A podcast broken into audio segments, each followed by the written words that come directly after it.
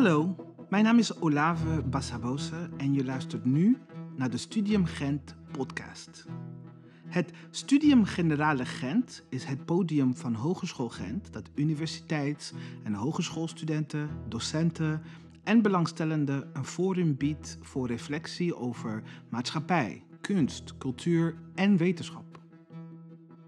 In nauwe en warme samenwerking met Laurence Hendricks van de vakgroep Volksgezondheid en Eerste Lijnzorg hebben we een aantal wetenschappers van de faculteit Geneeskunde en Gezondheidswetenschappen van de UGent uitgenodigd voor een praatje over hun recente onderzoeken. Onder de noemer hashtag pandemiegesprekken gaan we de komende afleveringen luisteren en leren over de impact van de COVID-19-pandemie op huiselijk geweld de weerbaarheid van zorgprofessionals, onze toegang tot seksuele en reproductieve zorg en nog veel meer. Welkom, Emmeline. Dank u wel. Uh, allereerst hartelijk bedankt dat je zo vroeg op de ochtend uh, hier met ons in de studio Je kan het een beetje aan mijn stem horen dat het in de ochtend is, hè? of niet? Ja. Jawel. ja, maar wellicht ook aan mijn stem. Ja. Uh, jij en je collega's, geloof ik? Of heb je dit onderzoek alleen gedaan? Met collega's? Nee, nee, met dat was met een aantal ja. collega's. Niet enkel Hebben... aan de UGent, maar ook aan de VUB. Ah, maar daar komen we zo straks nog even op ja. terug. Maar dus jij en je collega's hebben in de voorbije pandemieperiodes onderzoek gevoerd naar veerkracht en mentaal bewustzijn bij huisartsen in opleiding. Ja, ja. Nou, voordat we daarmee beginnen, eerst even een korte introductie. Wie ben jij en wat doe jij? Ik ben uh, Emeline, ik ben klinisch psycholoog uh, van opleiding. Uh, en mijn domein is de gezondheidspsychologie. Dus ik, ik zet met mijn onderzoek en onderwijs en dienstverlening echt in op de promotie van gezond leven van, uh, van mensen, van het brede publiek, maar ook van artsen, zorgverleners. Um, ik ben werkzaam aan de faculteit psychologie, maar ook aan de faculteit uh, geneeskunde. En dus ik ben heel erg geprivilegeerd om te doen wat ik doe uh, elke dag. Ja, leuk. Mensen die nog heel blij zijn met hun werk, met hun professie. Nee. Dat is heel belangrijk. ja. uh, zou jij ons allereerst kunnen vertellen waar de inspiratie vandaan kwam om veerkracht en mentaal welzijn te koppelen aan de COVID-19-pandemie. Met andere woorden, wat is wetenschappelijk bekend over veerkracht tijdens pandemieën? Uh, wat jullie zagen als relevant of actueel, te midden van de lockdowns van vorig jaar?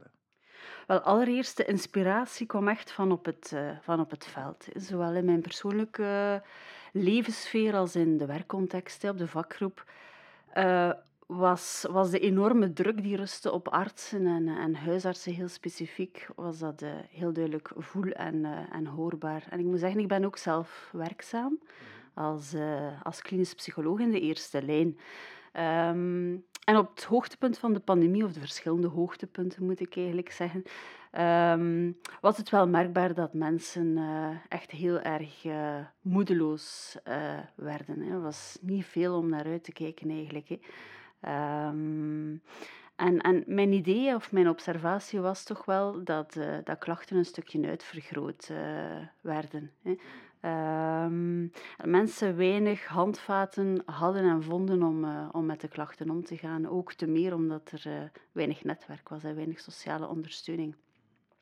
Nu, de groep die ik niet zag in mijn praktijk, dat waren artsen en zorgverleners. Uh, dus er groeide zowel een beetje de nood om ook echt wel iets betekenisvol voor die groep te gaan uh, betekenen, maar dan op een andere, op een andere manier. En ik moet zeggen, op een gegeven moment, ik denk dat dat ja, um, in oktober of november was, um, kwam er een, een oproep vanuit het Fonds Wetenschappelijk... Van, van november 2020? Ja, oh. ja, ja, ja, klopt kwam er een oproep um, vanuit het Fonds Wetenschappelijk Onderzoek um, om uh, projectvoorstellen in te dienen, om middelen voor, uh, voor te krijgen eigenlijk. Uh. En die projectvoorstellen moesten geschreven worden rond COVID of COVID-gerelateerde topics. Dus dat was zo'n beetje het, ja, toch wel de trigger. Um, om dat idee dat al, dat al wat aan het borrelen was, om dat, uh, om dat echt concreet te gaan vormgeven en, uh, en de methodologie een stukje te gaan, uh, te gaan verfijnen. Um, we hebben helaas hebben daar geen middelen voor, voor gekregen. Ehm, dat is meestal zo. Ja? we moeten heel veel schrijven en eh, we, krijgen niet altijd, eh, we krijgen dat niet altijd gehonoreerd. Maar toch doorgezet? Maar toch doorgezet.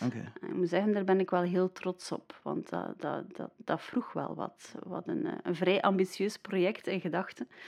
Ehm, met toch een longitudinale, dus overheen de tijd, follow-up van, van een grote poelen van huisartsen in opleiding.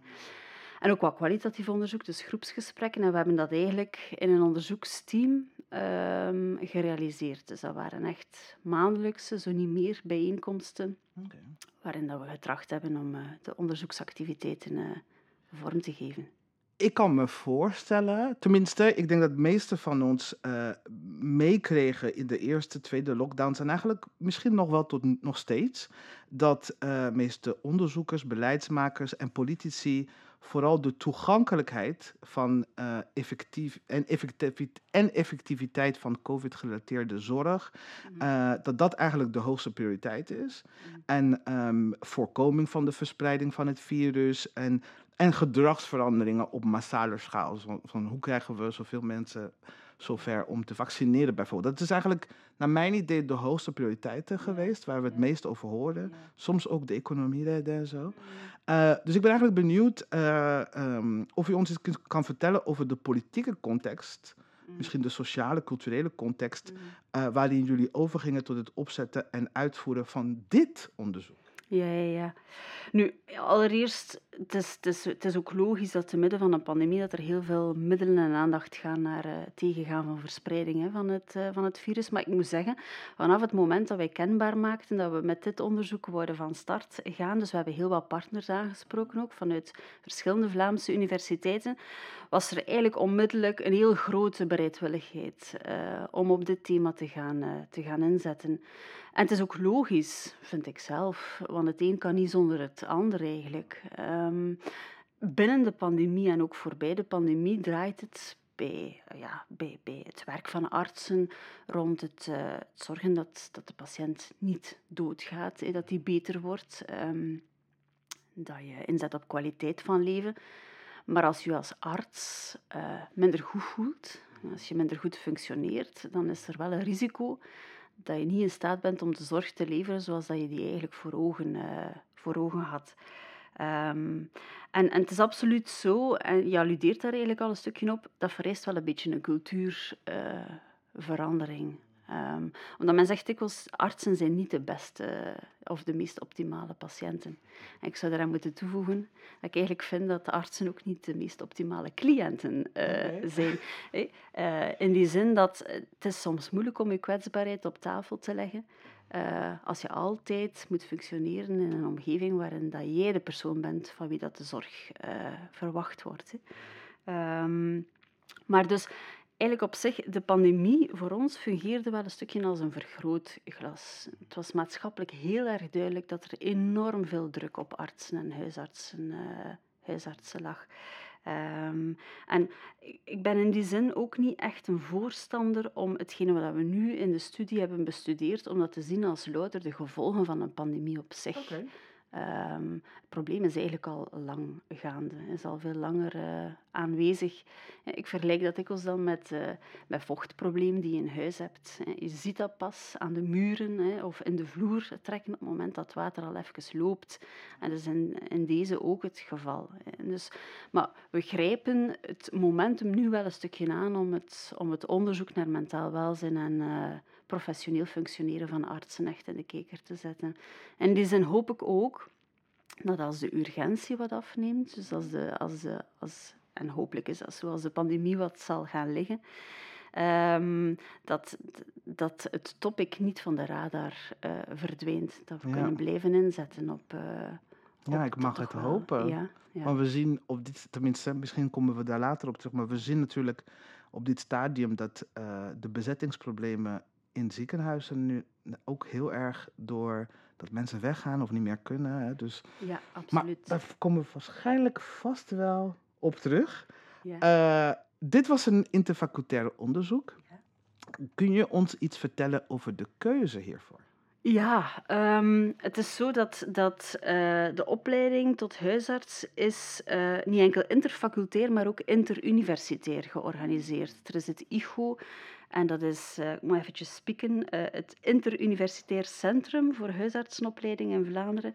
En eigenlijk is dat, is dat ja, een samenwerkingsverband die de opleiding ehm, tot huisartsen eigenlijk organiseert. Oh Is dat een uniek iets in België, België of is dat normaal in andere landen dat uh, artsen... Dat is een goede vraag die u stelt. Um, dat zou u bij collega's moeten navragen, denk ik. ik bel even wat mensen in Nederland straks. Maar, maar gaat u vooral door. Gaat u vooral door. Dus allee, we, we konden eigenlijk op zich, en we wouden ook niet anders dan het, dan het IGO, uh, dus het interuniversitaire orgaan, mee aan boord uh, te hebben. Omdat um, dat, dat gaf ons toegang tot een hele grote poelen aan uh, huisartsen en opleiding. de ganse cohorte van eerstejaars die we uiteindelijk hebben onderzocht. En, en ook heel wat praktijkopleiders. En het is ook zo dat men um, twee wekelijks, als ik mij niet vergis, seminaries organiseert waarbij de huisartsen in opleiding een kleine groep praten over uh, hoe hun stage bevalt, maar dat er ook een aantal inhoudelijke topics aan bod komen. Uh, en welzijn komt daar eigenlijk ook wel en heeft daar ook wel een plaats in. Dus dat was eigenlijk het ideale forum om dan uh, het onderzoek en de groepsgesprekken rond veerkracht ook mee in vorm te geven. Ja. Mm -hmm. Dat, dat, dat, dat klinkt wel logisch, inderdaad. Uh, want je wil zo groot mogelijk een pool hebben natuurlijk. Ja, uh, absoluut. We hebben het bij de vorige, bij de vorige aflevering hebben we het gehad over representativiteit. Hè? Mm -hmm. Dus mhm. dat je zo goed mogelijk een representatieve ja, sample moet hebben. Ja. Is dat iets wat, wat je het gevoel hebt dat, dat hier wel gelukt is? Ja, in die zin, we wouden ons richten op de eerstejaars huisartsenopleiding. We hebben eigenlijk die Hanse cohorten kunnen, kunnen aanspreken. Natuurlijk we kunnen mensen niet verplichten om in te stappen in het onderzoek. Dus het is altijd een vrijwillig uh, engagement. En we zijn daar toch wel allee, te, tegen een aantal uitdagingen aangebotst. In die zin dat we een deel van het onderzoek was een longitudinale follow-up. Dus we, hebben uh, bevragingen op meerdere tijdstippen georganiseerd. De eerste keer in februari 2021 en dan om de drie maanden is er een survey een vragenlijst naar de Hanse cohorte gestuurd. Allee, of toch degene die instapten bij de eerste meeting. En met elke meeting zagen wij uh, het aantal respondenten gestaag of minder gestaag afnemen. Dat is een, een, een, een logisch fenomeen eigenlijk hè, bij longitudinale follow-up. Maar dat maakt natuurlijk, je wil niet als onderzoeker dat die uitval van respondenten dat dat selectief is natuurlijk. Hè, omdat dat uw bevindingen en uw interpretaties kan, uh, kan kleuren. En momenteel ben ik eigenlijk aan een vervolgproject aan het, uh, aan het schrijven, waarbij dat een van de eerste stappen is echt om om een heel goed protocol te gaan uh, ontwikkelen om een grote cohorte van niet enkel uh, mensen in opleiding, maar ook professionals, eh, artsen, um, zo goed mogelijk uh, en lange tijd te gaan opvolgen, want dat vereist toch wel wat doordenkwerk. Wat zijn nog meer uitdagingen geweest in het concipiëren van dit onderzoek? Je hebt al dus dat, die, die, die, die pool een beetje genoemd, hè? Die, dat dat afnemen over tijd. Zijn er nog meer dingen waarvan je dacht van dat was wel even uitdagend?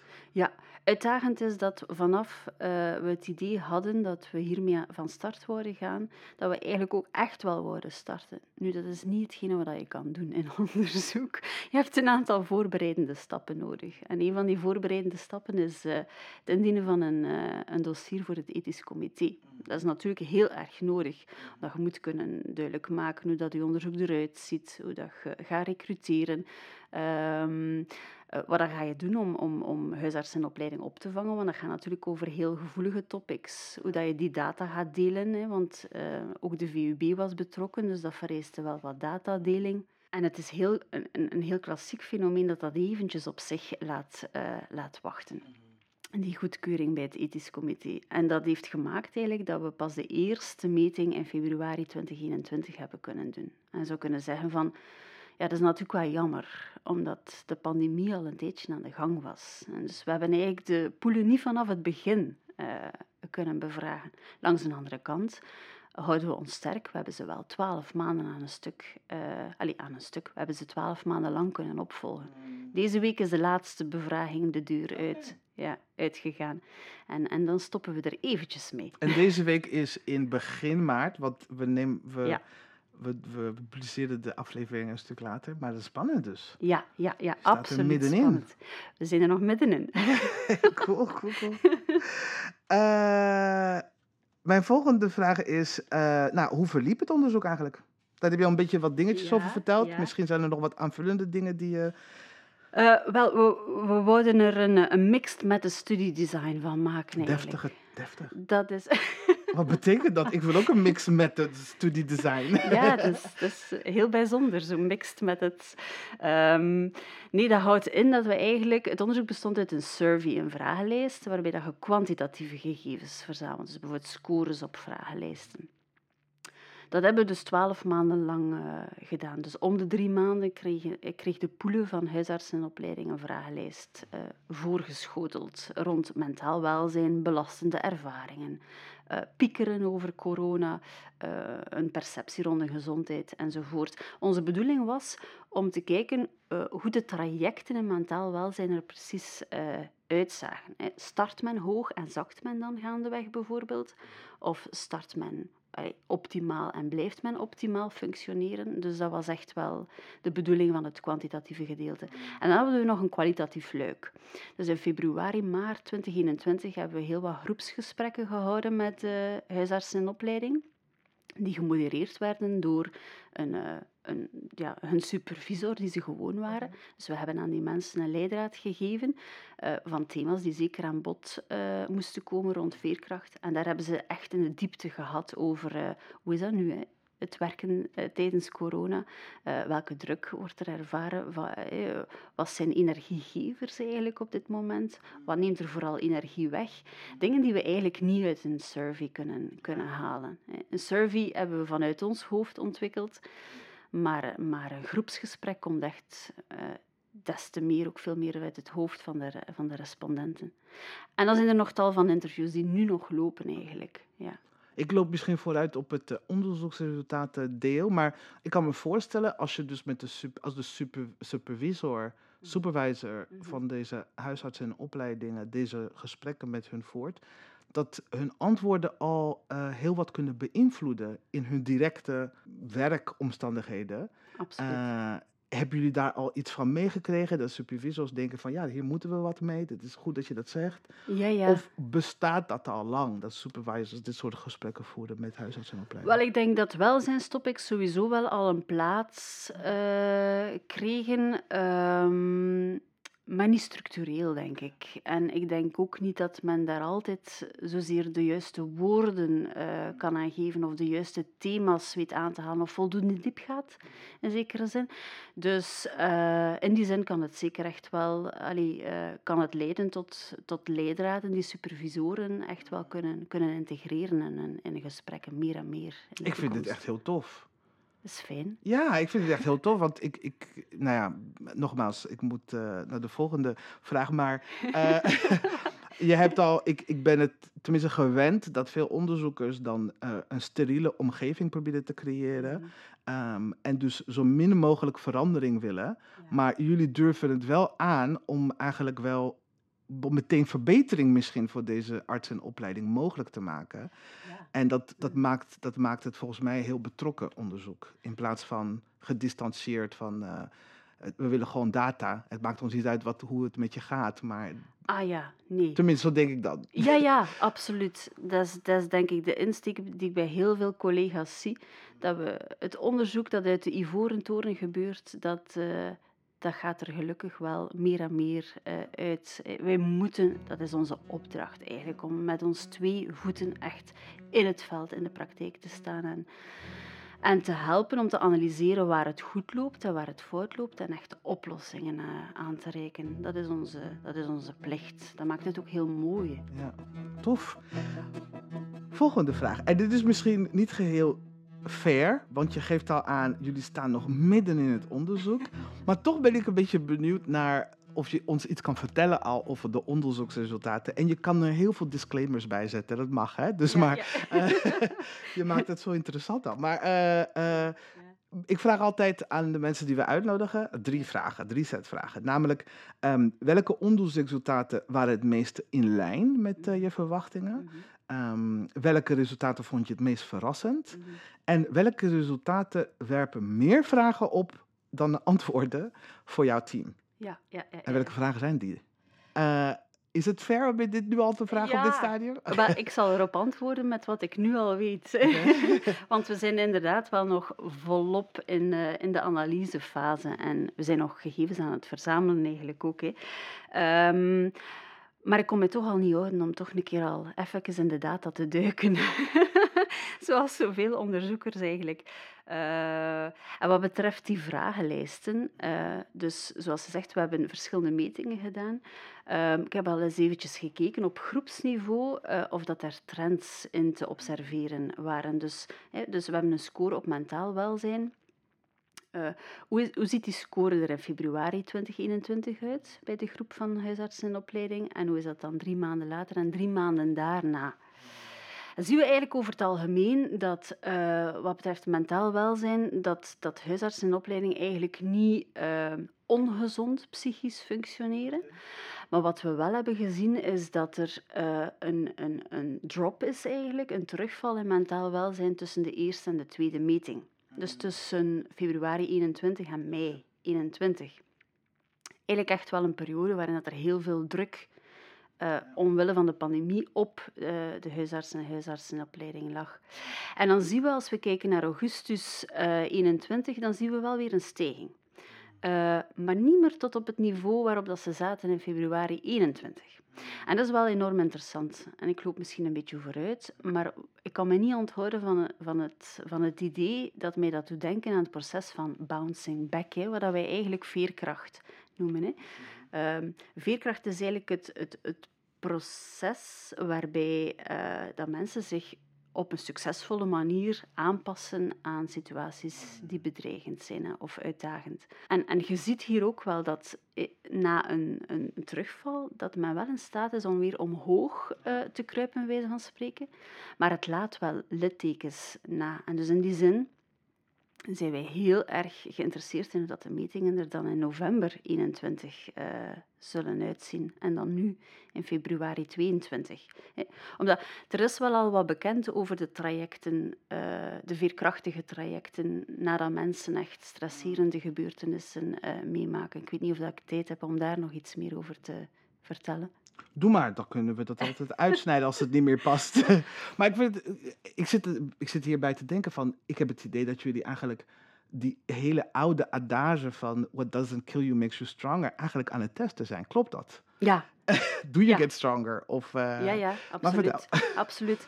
En, en, en het is in de literatuur ziet men eigenlijk dat men heeft veerkracht onderzocht in tal van situaties. Hè. Bijvoorbeeld uh, hoe reageren mensen na natuurrampen bijvoorbeeld? Uh, of na oorlogssituaties, helaas vrij actueel. Uh, maar veerkracht is ook onderzocht in de context van bijvoorbeeld omgaan met de SARS-epidemie. Ja.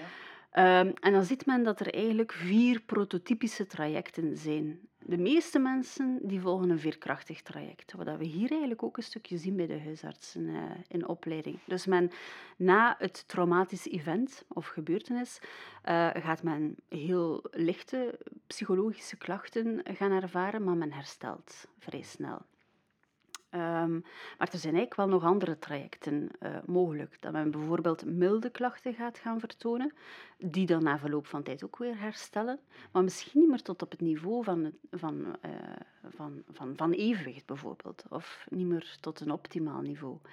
Um, en dat noemt men recovery. Dus het zou even goed kunnen zijn als wij die data nu verder analyseren, dat er een aantal studenten ook wel uh, huisarts en opleiding in dat traject zitten. Ja. Met variaties van, van, van lengte van tijd dat ze ja, nodig hebben. Ja, okay. absoluut. En dan heb je ook ja, chronische trajecten, hè, zoals men benoemt, zo, eh, waarbij dat je ziet dat mensen heel erge klachten gaan, uh, gaan, gaan vertonen en daar ook in blijven vastzitten. En dan heb je de zogenaamde uitgestelde trajecten, waarbij dat je ziet dat er initieel milde psychologische klachten zijn maar die met de tijd gewoon verergeren. Okay. En dus men krijgt eigenlijk een verlengde stressrespons. Uh, en wij onderzoeken het nu wel in de context van, van de pandemie. Maar als wij in staat zijn om die trajecten echt te ontrafelen uit de data en gaan linken met een aantal voorspellers, dan leert ons dat wel heel veel over veerkracht en mentaal welzijn bij huisartsen en opleidingen. Kunnen we potentieel, maar nu kijk naar de toekomst, wel beter vroegtijdiger ingrijpen. Mag ik een vraag stellen? Ja, uh, en dit is voor mezelf en misschien ook voor andere mensen die hier naar luisteren. Uh, als je dan zou willen weten van uh, deze prototypes, waar die je net hebt, deze vier prototypes die je beschreven, ja. als je daar meer over zou willen weten, van wat voor soort mens kun je hebben, kan, kan, het voorspeld worden wie in de ene traject belandt of niet, en hoe voorkom je dat je Um, wat zou je aanraden qua toegankelijke lees- of studie- of kijkmateriaal? Heb je misschien iets zo. Een onderzoeker die daar heel veel rond geschreven heeft is uh, Bonanno. Bonanno. Bonanno, ja. Uh, wij noemen die soms lacherig banana. in ons onderzoeksteam. Ja, goed. De, hum de humor van onderzoekers. Ja. maar Bonanno is, is iemand die... Ja, de, de, dus, dat is een persoon die het onderzoek rond veerkracht na... Um, SARS bijvoorbeeld, of ten tijde van de SARS-epidemie heeft onderzocht. of natuurrampen en dergelijke meer. Maar ik moet zeggen, ehm, als ik kijk naar vervolgonderzoek, dat is een heel interessante piste die trajecten blootleggen. Maar waar ik, wij, heel erg in geïnteresseerd zijn, is ook van uh, wat zijn de mechanismen achter um, ja, mentaal welzijn en professionele ontwikkeling bij, bij artsen. Um, ik kan me niet van de indruk ontdoen. Ik heb een achtergrond in. Um, ik kom eigenlijk uit een onderzoekstraditie waarbij dat we onderzoek doen naar psychologische adaptatie aan chronisch ziek zijn. Uh, omdat chronische ziekte legt beslag op je leven eigenlijk. Um, het raakt u in het diepst, niet enkel in uw functioneren, maar in uw identiteit eigenlijk. En ik, het is een geheel andere context eigenlijk, maar ik zie heel veel linken met uh, um, ja, het ontwikkelen van een professionele rol als, als arts en bij uitbreiding als zorgverlener. Dat is ook in essentie, voor mij gaat dat ook over adaptatie. Uh, over uh, het kunnen matchen van u, wat er van u wordt verwacht in uw beroep met andere ambities in uw leven. Dus, en, en binnen die traditie zijn er heel wat concepten en modellen die we echt wel ten volle kunnen gaan toepassen uh, binnen deze context van zorg voor uh, zorgverleners. Dus dat is alleszins een niche waar dat we heel sterk op willen inzetten. Ja. We zitten nu helemaal, helemaal ver weg van mijn standaardvragen, maar dat is ook leuk in zo'n gesprek. Maar ik kan me voor u zegt nu iets dat ik denk van dat kan volgens mij ook wel uh, opgevat worden als nogal controversieel. Mm. Um, dat dus de, het beroep van arts, um, niet, u stelt er niet gelijk zozeer, maar dat het dusdanig een, een soort van bron is van stress en van mm -hmm. wellicht trauma, I don't know, dat wil ik nog niet. Uh, ja. Dat het zo'n zo'n chronische bron is van, uh, van stress en trauma, dat je het gelijk zou kunnen stellen met de chronische ziekte. Is dat iets waarvan je denkt van in het beroep, in de, in de field hè, van arts, en, en dat, daar, um, uh, dat daar openheid is om, om dus dat te accepteren of misschien dat te confronteren. Of misschien in de maatschappij dat we beseffen van wat we eigenlijk vragen van mensen in deze beroepen. Ja, ja, ja. ja. Het is natuurlijk, allee, het, is een geheel andere context uiteraard. Hè. Uh, maar in essentie, um, wat ik wil zeggen is, het chronisch ziek zijn, wij belichten dat een stuk als zijnde van, je hebt uw leven, je hebt uw ambities, je hebt uw doelen, en dan komt de chronische ziekte daar. Uh, als een obstakel, waar dat veel mensen tegenaan botsen. En ofwel blijf je daar tegen vechten, dat zien we in de literatuur, ofwel tracht je je doelen voor een stukje aan te passen. Uh, en, en, en, um, en, en, en, probeer je toch een zinvol leven op te bouwen, ondanks je ziek zijn. De situatie van ja, uh, een beroepsleven opbouwen is natuurlijk wel, wel wat anders. Maar het gaat voor mij over de onderliggende processen en mechanismen die spelen.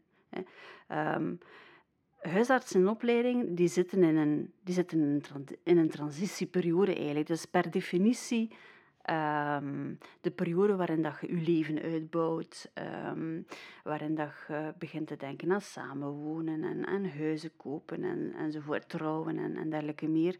En hetgene wat wordt verwacht binnen een beroep en de verantwoordelijkheid en de druk die er wordt gelegd, die kan in de weg staan. Dat hoeft niet zo te zijn, maar het kan zijn dat, dat, dat, dat professionals daartegen botsen. Ja.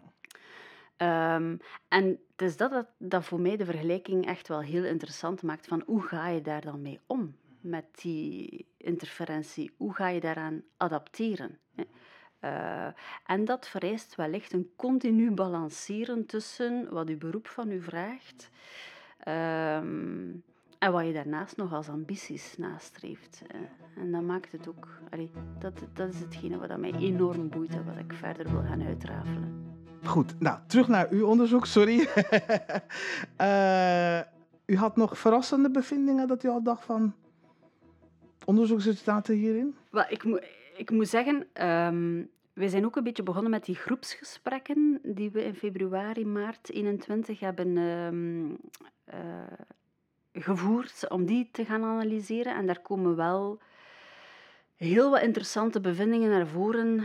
Um, die, die, die vernieuwend zijn en, en, belangrijk zijn ook om mee te nemen, denk ik, in opleidingen of toch een sensitiviteit voor te gaan uh, uh, ontwikkelen, bij wijze van spreken. Um, en, en een van de dingen was de enorm belangrijke rol van de praktijkopleider. Dus de huisarts, uh, die eigenlijk ondersteunend is in de praktijkstage voor de, voor de huisarts in opleiding. Um, dat is iemand dat gaven heel wat eh, huisartsen in opleidingen bevraagden aan, zo van dat is iemand bij wie dat we inhoudelijk terecht uh, kunnen, maar eigenlijk ook op een heel informele manier. Niet enkel bij die persoon, maar ook bij, bij de familie. Dus bijvoorbeeld bezig zijn met de kinderen van de huisarts, um, van de praktijkopleider, dat bleek toch wel een heel belangrijke adempauze te zijn voor huisartsen in opleiding. En dat is wel een belangrijke, uh, omdat we hoorden ook, daar waar het ontbrak aan die formele en informele ja, vertrouwensband met de praktijkopleider, dat, dat dat situaties zijn waarin het echt wel moeilijk werd mm. voor de huisartsenopleiding. Soms zelfs onhoudbaar. En dat is wel een heel belangrijke, uh, omdat uw eerste praktijkstage legt wel een blauwdruk mm. op uw verdere professionele carrière. Hè. Ehm, dus dat is één aspect. En het andere aspect, ik heb dat waarschijnlijk al een stukje aangehaald, is uh, ook het oog hebben voor, voor de, de transitieperiode waarin dat de huisartsen in opleiding zitten. Het was heel merkbaar vanuit die groepsgesprekken dat um, die mensen zitten nog in een opleiding. Dus die hebben nog heel wat taken en verantwoordelijkheden vanuit de opleiding.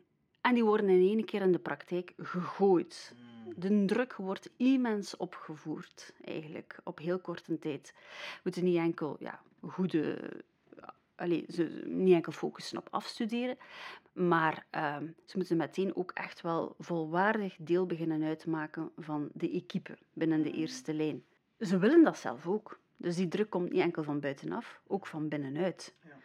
Um, ze willen de perfecte arts zijn. Degene die na een telefoon direct kan zeggen van dit is hier dringend, hè, dit moet naar het ziekenhuis of oké, ik kan daar iets anders bij aanraden.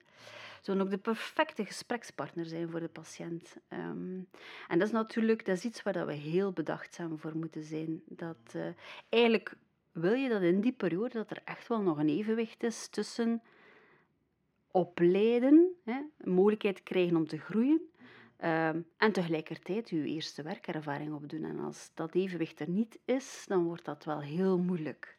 Ja. Ehm, en bovendien, en dat is, dat is misschien het laatste dat ik wil aanstippen, merkten we ook heel erg dat er uh, weinig openheid was om, um, als huisartsen in opleiding het moeilijk hadden, om, om, daarmee, om dat bespreekbaar te maken zelf. Om zelfs hulp te zoeken. Dus we merkten heel sterk dat er, dat er toch wel nog een taboe heerst op uh, het, zoeken, het zoeken naar psychologische ondersteuning eigenlijk. Wauw. Ja. Ik heb het idee dat als dit het voorproef, als dit maar een beetje een soort van de, de, de, de, de tendensen zijn of de grote lijnen, denk ik dat u heel interessante dingen uiteindelijk gaat publiceren. Ik hoop dat het uh, een grote impact gaat hebben. Maar voorlopig, hoe nu verder voor u? En ook, hebt u ook suggesties voor nader of aanvullend onderzoek eh, van jullie bevindingen? Ja, ja, ja. Ehm, wel, hoe nu verder inderdaad, hij zegt het zelf. Allee, het is, het is dit onderzoek is ernaast genomen, maar is voor mij althans enorm centraal. Dat is voor mij nog maar het begin. ben ik op dit moment aan een onderzoeksproject aan het werken, ook met een internationale partner, waarbij dat we in eerste instantie echt een heel grote groep, niet enkel van huisartsen in opleiding, maar ook artsen doorheen de eerste jaren van hun professionele leven willen volgen. Is het, is het iets nieuws? Is het, of is dat al, al eerder gedaan? Wel, laat ons zeggen, het onderzoek naar mentaal welzijn bij artsen is niet nieuw. Okay. Het is duidelijk in de literatuur dat dat een beroep is dat met heel wat uitdagingen uh, te maken heeft. En, dus, uh, en de prevalentie van mentale klachten, ook van burn-out en um, uh, drop-out uit het beroep, die, het, is, het is vaak voorkomend. Um, wat wel uh, nieuw is, is zo van, je kunt enerzijds binnen onderzoek de focus leggen op daar waar het fout loopt, mm. dus op de klachten en de problemen die artsen ervaren, maar je kunt ook de focus leggen op hoe, ja, waar loopt het, waar loopt het goed. En wat meer, zoals ik, ik zou benoemen, een positief psychologische insteek uh, uh, hanteren. En dat is althans wat wij willen doen. Zo van, kunnen we mentaal welzijn, want de meeste mensen gaan volgen wel een veerkrachtig traject. Hoe komt dat precies? Hè? Wat zijn de succesfactoren daarbij? Wat zijn de mogelijkheden? Niet enkel bij henzelf, maar ook in de omgeving. Uh, hoe kunnen we de adaptatie aan uw professionele rol en andere dingen die je wilt in het leven, hoe kunnen we dat zo succesvol mogelijk kunnen laten verlopen? Uh, dat, is, dat is wel nieuw. En daar willen we echt wel ten volle op, uh, op inzetten. Dat is wel vrij duidelijk, denk ik. Ja, ik ben hartstikke ambitieus. I love it. En hoe zit het bijvoorbeeld met dingen zoals beleidsveranderingen of voorstellen dat u al denkt van, uh, of kunt u daar al iets over zeggen? Ik denk dat daarvoor wel een stukje te, te vroeg is. Wat wel zo is, het onderzoek is opgezet met het IGO en de, en de diverse docenten binnen de Vlaamse universiteiten. Um, en wij, het is sowieso de betrachting om uh, de bevindingen uh, om te zetten naar tools echt binnen de, binnen de opleiding. Dus een van de onderzoeksactiviteiten was, uh, waren groepsgesprekken rond veerkracht. En ik denk dat de thema's, waarvan ik er zo net al een aantal heb benoemd, maar waar dat er ongetwijfeld nog veel meer zullen uitkomen, dat die wel wel inspiratie kunnen geven om goede interviewgidsen of gespreksgidsen te gaan ontwikkelen voor um, uh, mensen die die groepsgesprekken ondersteunen of die seminaries ondersteunen. En dat we dat dan eigenlijk wel uh, mee kunnen implementeren in de, in de opleiding. En ik denk sowieso de bevindingen op zich. Ik kan me voorstellen dat we wel wat communicatie of flowcharts of wat informatie of sensibilisering naar uh, niet enkel uh, mentoren, maar ook docenten kunnen sturen rond van kijk, eh, het, het, de eerste praktijkervaring, dat is wel een uitdaging. En niet enkel omwille van dat de praktijkervaring op zich is, maar ook omwille van de transitie waarin dat studenten zitten en, en de druk die wordt opgelegd ook vanuit henzelf en het taboe dat wel nog een stukje heerst rond het bespreekbaar maken, daar waar het moeilijk loopt. Ik denk dat dat soort van dingen, dat dat, dat zeker tools en, en, uh, zijn die we, die we aan de opleidingen kunnen meegeven. Tof. Laatste vraag en dan ga ik echt stoppen. Uh, het, wordt nu, het wordt zo straks wel heel moeilijk om keuzes te maken in de edit. Want ik wil eigenlijk dit alles behouden, want ik vind het echt geweldig. Uh, laatste vraag. Uh, het lijkt, er zijn voorspellingen dat de toekomst met klimaatverandering, de druk op, op, op de planeet en zo, dat we een toekomst tegemoet gaan van nog meer pandemieën. Um, misschien wel uh, van deze schaal of nog zwaardere schaal. Mm. Um, er zijn natuurlijk heel slimme, knappe koppen die allemaal bezig zijn met te kijken van hoe kunnen we crisisbeleid al, al vooraf plannen richting de volgende pandemieën die gaan komen.